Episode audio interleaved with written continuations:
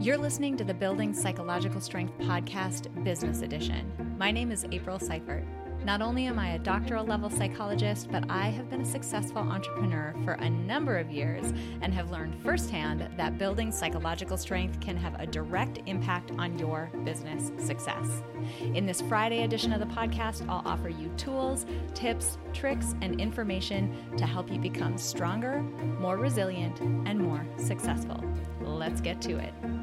Roland Gauss said, If at some point you don't ask yourself, What have I gotten myself into? then you're not doing it right. I'm so glad you're here. If there ever was a topic where I might get a little ranty, it's this one. Well, okay, so this is one of them. I have a few rants that I tend to go on, but either way, forewarning, there's likely a rant coming at some point in this episode. Today is actually part one of a two part series focused on some of the ways that our comfort zone can sabotage our business success. And it's worth saying that this is likely the first of many times that we're going to touch on this topic in these Friday episodes. It's a huge topic, and it's important to continue to explore it because of the significant impact it can have on the actions you take how you approach challenges, and the success you ultimately enjoy. So, today for part one, I'll try to do a thorough job of explaining in a scientific way and hopefully entertaining way what your comfort zone is. And then next week, we'll dive into the ways that it can lead to sabotage in your business and what to do about it. So, let's start with a little background lesson on the mind because understanding a few key points makes the rest of this so much more easily grasped. And in my experience, it makes it easier to see how this applies in your own life while you're sort of going through life and living and going through your business and making decisions. So, in large part, our mind evolved with one main purpose to get us through life, you know, alive while expending the least amount of energy possible. And let's unpack that for a second because there's some nuance here. First, it wants to get us through life alive in a very survival of the fittest, natural selection sort of way. We find ourselves having evolved to have minds that work hard to keep us alive. They're constantly scanning our environments for information. They're making assumptions. They're making decisions. They're sending us urges to act or retreat or freeze or change directions, etc. And all of this is in an effort to keep us alive. But they don't use just any means in order to accomplish that goal. I mentioned they keep us alive while expending the least amount of energy possible. So, why is that? Again, our minds are taking in so much information and making so many decisions in a given day. You know, life by nature, it's cognitively really expensive. And we only have a limited capacity as human beings. So here's where the magic happens. Our minds realize that unexpected information, circumstances, and decisions are going to come up. And we need to preserve some of that limited cognitive energy in order to deal with them when they do. So, in order to save that energy, our mind backburners most of the decisions and behavioral prompts and information processing that it does. I mean, as literally as much as possible. And it does this by creating a set of biases, heuristics, mental habits, shortcuts. All of these mean the same thing in this context. Over time, our minds develop these shortcuts or general rules or rules of thumb that allow our minds to get us through the day without spending so much energy. It's our mind's way of flying on autopilot as much as possible. Now, you're probably wondering what in the heck this has to do with our comfort zones, and I'll get there, I promise. But let's go back. Okay, so we've got heuristics, we've got rules of thumb or autopilot mechanisms that get us through our day in a cognitively less expensive way. Here's another important point once those autopilot mechanisms are in place, most, if not all, incoming information and decisions are run through those first to see if we can avoid having to think too hard or deliberate or spend any precious energy on it. If our mind can do it on autopilot, it will. Energy preserved, right? Problem solved, goal achieved. Now, here's where your comfort zone comes in. Your comfort zone is one of those autopilot mechanisms. Let's go back. Our mind's goal is to get us through the day alive while, while spending the least amount of energy possible. One decision our mind is constantly having to make, literally minute to minute, is will this next action kill me? All day long, our mind is asking that question whether than having to work hard minute after minute. I mean, can you imagine if we didn't have a heuristic to run that through? You literally would be crippled minute to minute trying to decide will this bite of salad kill me? Will picking up this pencil kill me? Will sitting in this chair kill me? I mean, imagine that, right? So rather than having to work that hard every single second in order to answer that question, our mind runs it on autopilot by asking, is this behavior, this next one that she's going to take, so me in this case, is it inside of my comfort zone or outside?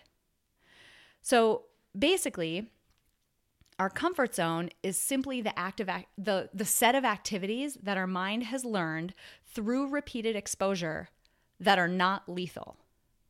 That's it.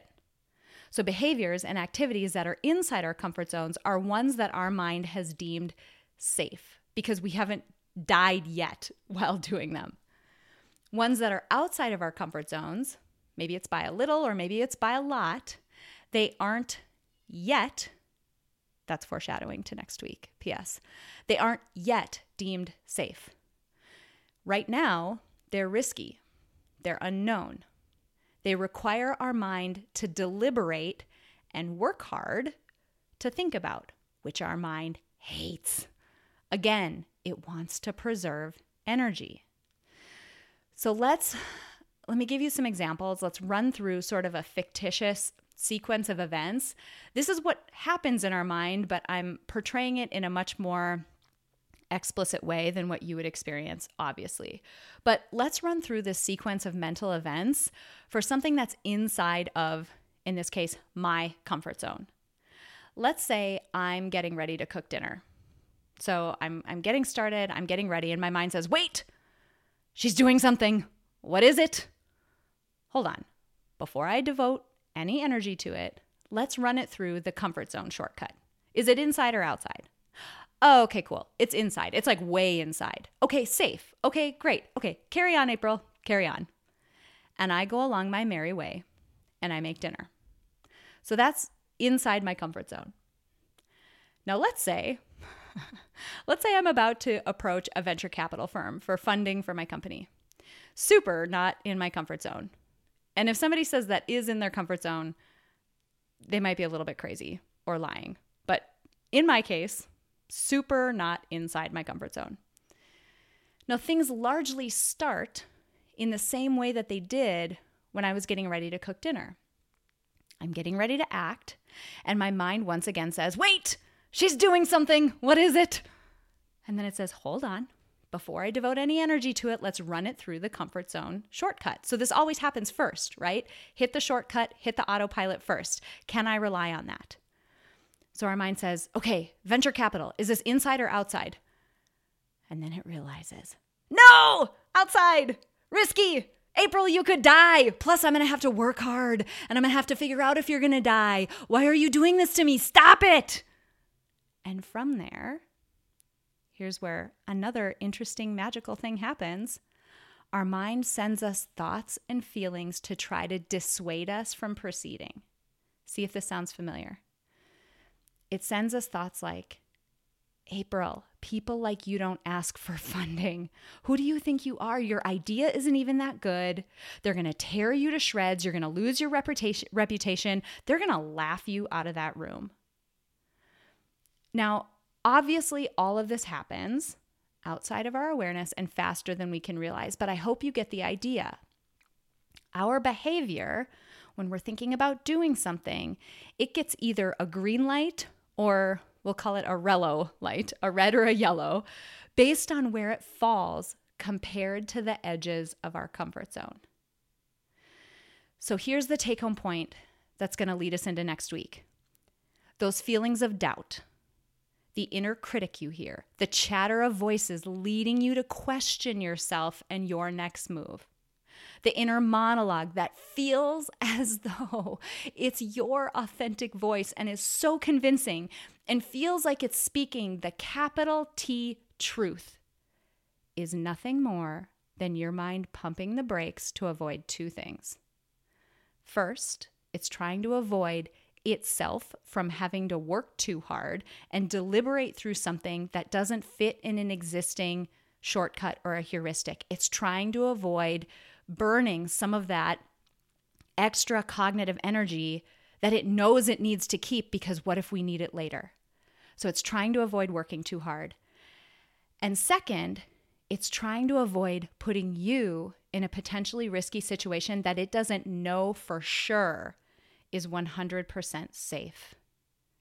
And the only reason why it doesn't know that yet is because you haven't done it yet. You haven't proven yet that it's not lethal.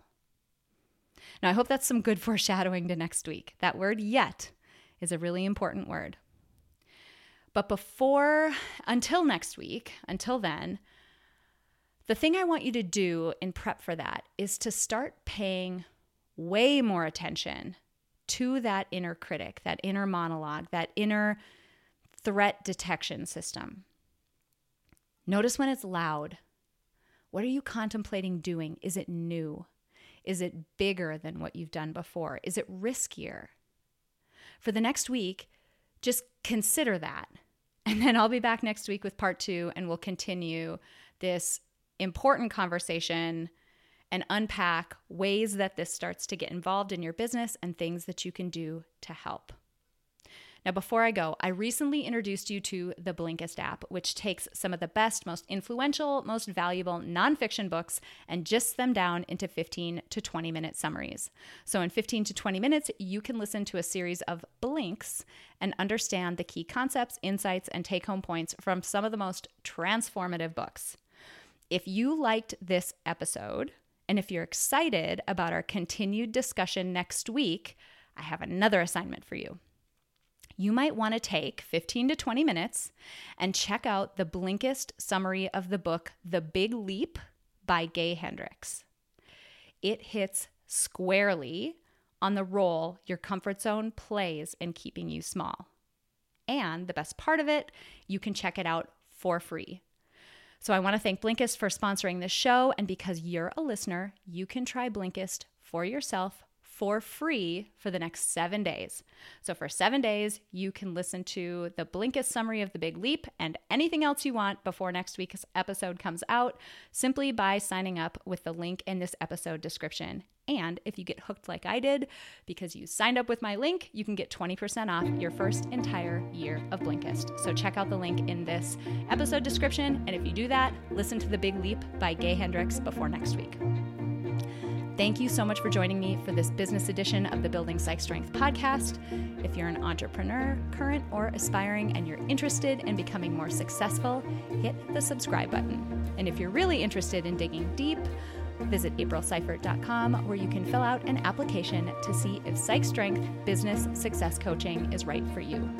Until next week, be strong, be resilient, and friends, be successful.